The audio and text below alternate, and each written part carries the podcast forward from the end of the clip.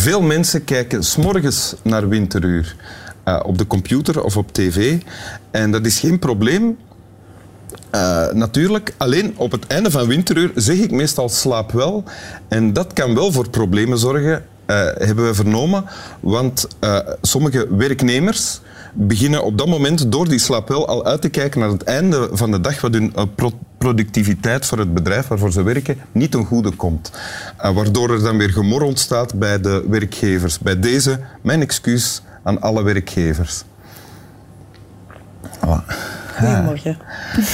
Goedemorgen. Goedemorgen uh, of goedenavond. U kijkt naar Winteruur en mijn gast vandaag is, behalve Boris, uh, Eli Fernandes. Yes. Eli Fernandes, nog niet heel bekend bij het grote publiek. Um, de mama van de slam poetry wordt je genoemd. Onder andere, ja. Slam poetry, kan je even uitleggen wat dat is? Slam poetry is uh, een vorm van poëzie waarbij dat de nadruk ook heel hard ligt op het performen van poetry. Dus op een podium te staan en, uh, en, en het op te treden, de tekst die je hebt geschreven.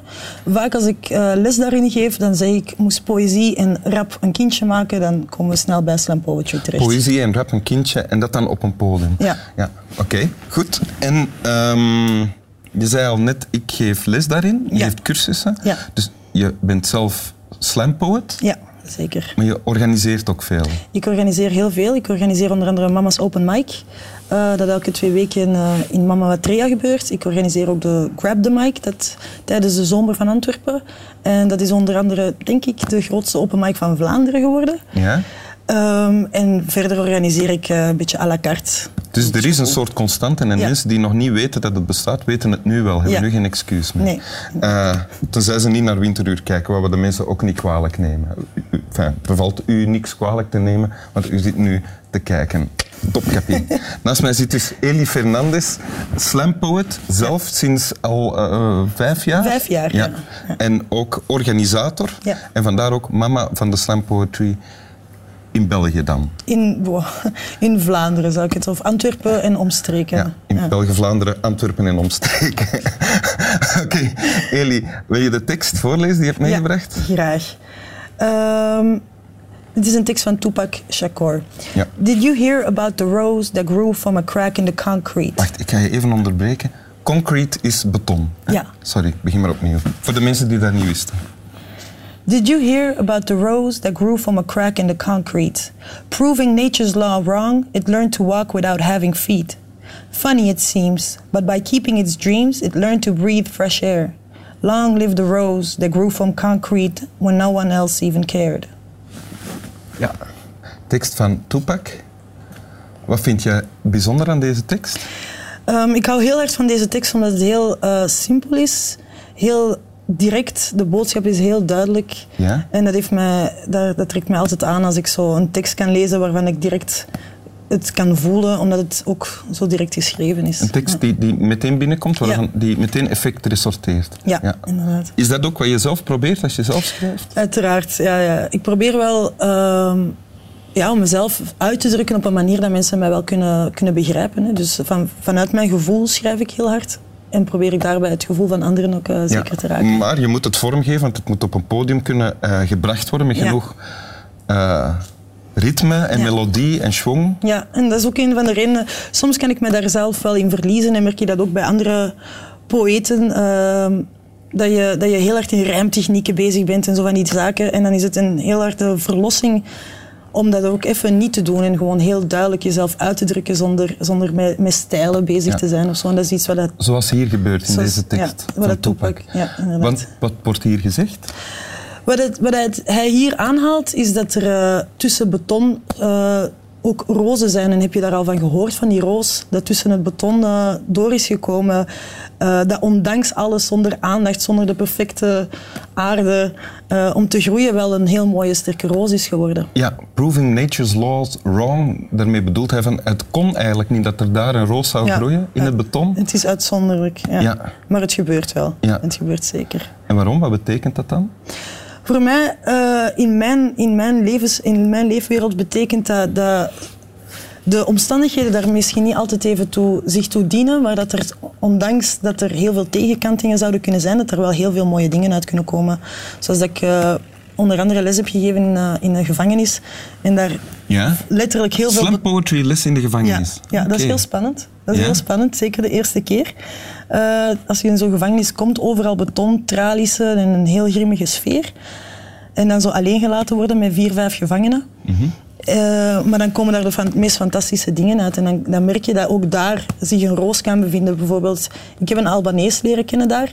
Die heeft nooit leren lezen of schrijven, maar onderweg naar België heeft hij verschillende landen afgedaan. En heeft hij heel veel talen leren spreken. Grieks, Italiaans, Duits. En heeft hij ook zijn eigen uh, alfabet uitgevonden. Dus Alfabet? Ik, alfabet, ja. Ik kon zijn teksten niet lezen. Ik kon zijn teksten absoluut niet lezen. Was Letterlijk een alfabet uitgevonden. Letterlijk een alfabet uitgevonden om zijn eigen uit te drukken. En om te kunnen onthouden wat hij allemaal Ja, bedenkt. ja, inderdaad. En dat vond ik echt, dat, was, dat is een verhaal dat mij altijd is bijgebleven van dat is een roos. Dat is een ongelooflijke talent. Dat natuurlijk wel misdaden heeft begaan, waar ik niks van af weet, want ik vraag dat ook uh, niet. Ja? Ik wil dat liever niet weten. Uh, maar het is een roos, we kunnen dat niet ontkennen. Ja. En geldt dat ook voor jouzelf? Herken je jezelf daar ook in? Want je bent, uh, van, niet van, je bent half Portugees. Portugees. En half Dominicaans, inderdaad. Ja, ja. En ik herken mezelf daarin omdat in de tijd was ik soms uh, in sommige scholen waar ik heb gezeten, uh, ik heb woordkunst drama gedaan, was ik een van de weinige kleurlingen. Ja? En dat was niet altijd even makkelijk en heb ik toch wel uh, soms wel wat tegenkantingen gehad, omdat het ook een heel andere energie brengt, een heel andere manier van kijken naar kunst. En ik heb daar lera leraren gehad die soms die daar wel moeite mee hadden en niet mijn talent inzagen. En dan ook mij van school wouden sturen. Dat is gelukkig niet gelukt toen. Ja? Maar ja, achteraf gezien heb ik ook zoiets van, misschien was ik toen niet zo getalenteerd. Misschien. En is het daardoor ook wel gekomen dat, dat ik toch wel voor de roos ben gegaan. En toch nog harder door dat beton heb beginnen duwen. Maar ik denk dat er heel veel mensen met een kleurtje toch wel soms uh, ja, betonnen muren tegenkomen. Dus dit verhaal is ook jouw verhaal een ja, beetje? zeker. En het verhaal van heel veel mensen met wie ik samenwerk. Um, slam poetry, heel eigen aan slam poetry, is dat het heel maatschappijkritisch is. Ja? En dat heel veel van die mensen uh, ja, moeilijke verhalen en moeilijke verhalen hebben en heel erg de noodzaak hebben om dat te delen, zodat anderen zich daar ook in kunnen herkennen ja.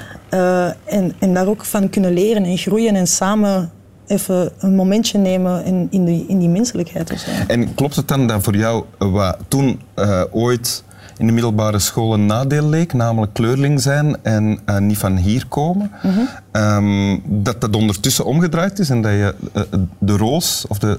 Want ik zeg het, want ik heb je zien optreden en Mhm. je gebruikt als je optreedt, praat je in het Frans, in het Engels, in het Nederlands, ja. in het Portugees zelfs, Ja, denk ik. ja. Um, Het is, het is wel mijn sterke punt geworden. Ay, het is wel een, een, een kracht geworden. Uh, ik probeer dat zeker niet. Ay, het, is geen het is zeker geen zwakte, uh, mijn kleur. Um, en het heeft heel veel impact gehad, ook in mijn professionele carrière, omdat ik daardoor ook hier en daar wel extra uh, opdrachten heb gekregen. Soms ook iets minder. Mm -hmm. In sommige scènes kom ik net iets minder is het moeilijker om daarin te geraken. Dus het heeft zijn voor- en nadelen, maar ja. ik denk dat dat voor iedereen wel kan gelden. Ja. ja. Oké. Okay. Wil je nog eens voorlezen, de toepak? Ja, zeker. Did you hear about the rose that grew from a crack in the concrete? Proving nature's law, laws wrong, it learned to walk without having feet. Funny it seems, but by keeping its dreams, it learned to breathe fresh air. Long live the rose that grew from concrete when no one else even cared. Dank u wel. Dank u. En slaap wel. Of... Goedemorgen. Uh, goedemorgen, ja. en kom aan, hè. Werken vandaag voor die baas van u. Lekker uh, typen en telefoneren. En wat doen mensen zo nogal op hun werk? Facebook. Facebooken, tussendoor schuppen. Met uh, melken. Nee, dat, is, uh, dat, nu, dat gebeurt nu industrieel. Maar zo voor, je weet wel wat ik bedoel. Hup, naar uw werk.